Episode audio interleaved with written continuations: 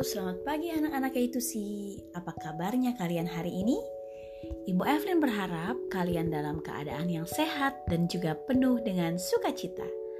Hari ini hari Selasa tanggal 14 September tahun 2021. Kita mau memulai hari ini dengan membaca renungan pagi yang berjudul Berani Seperti Ehud. Kalian bisa minta tolong mama atau papa untuk membaca Alkitab yang diambil dari Hakim-Hakim 3 ayat 12 sampai 30. Sebelumnya, mari kita lipat tangan, tutup mata, kita mau berdoa. Tuhan Yesus yang baik, terima kasih untuk pagi hari ini. Sebentar kami mau mendengarkan renungan pagi Tuhan yang pimpin kami agar kami dapat mengerti apa yang ingin Tuhan sampaikan kepada kami. Terima kasih Tuhan Yesus Kristus, kami sudah berdoa dan mengucap syukur. Amin. Nah, anak-anak itu sih, pernahkah kalian mendengar cerita Alkitab tentang Ehud? Hmm, siapa ya Ehud? Ehud adalah seorang dari suku Benyamin. Bapaknya bernama Gera. Ehud memiliki ciri-ciri yaitu bertangan kidal atau orang yang melakukan banyak pekerjaan menggunakan tangan kirinya. Nah, bagaimana kisah Ehud di dalam Alkitab? Mari kita dengarkan ya. Kemarin Ibu Evelyn sudah bercerita tentang Otniel penyelamat orang Israel.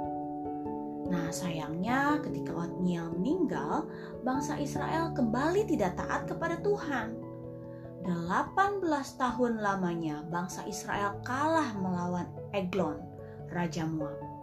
Pada saat itu, Tuhan memilih Ehud untuk menjadi seorang penyelamat bagi bangsa Israel dari penindasan Eglon Raja Moab.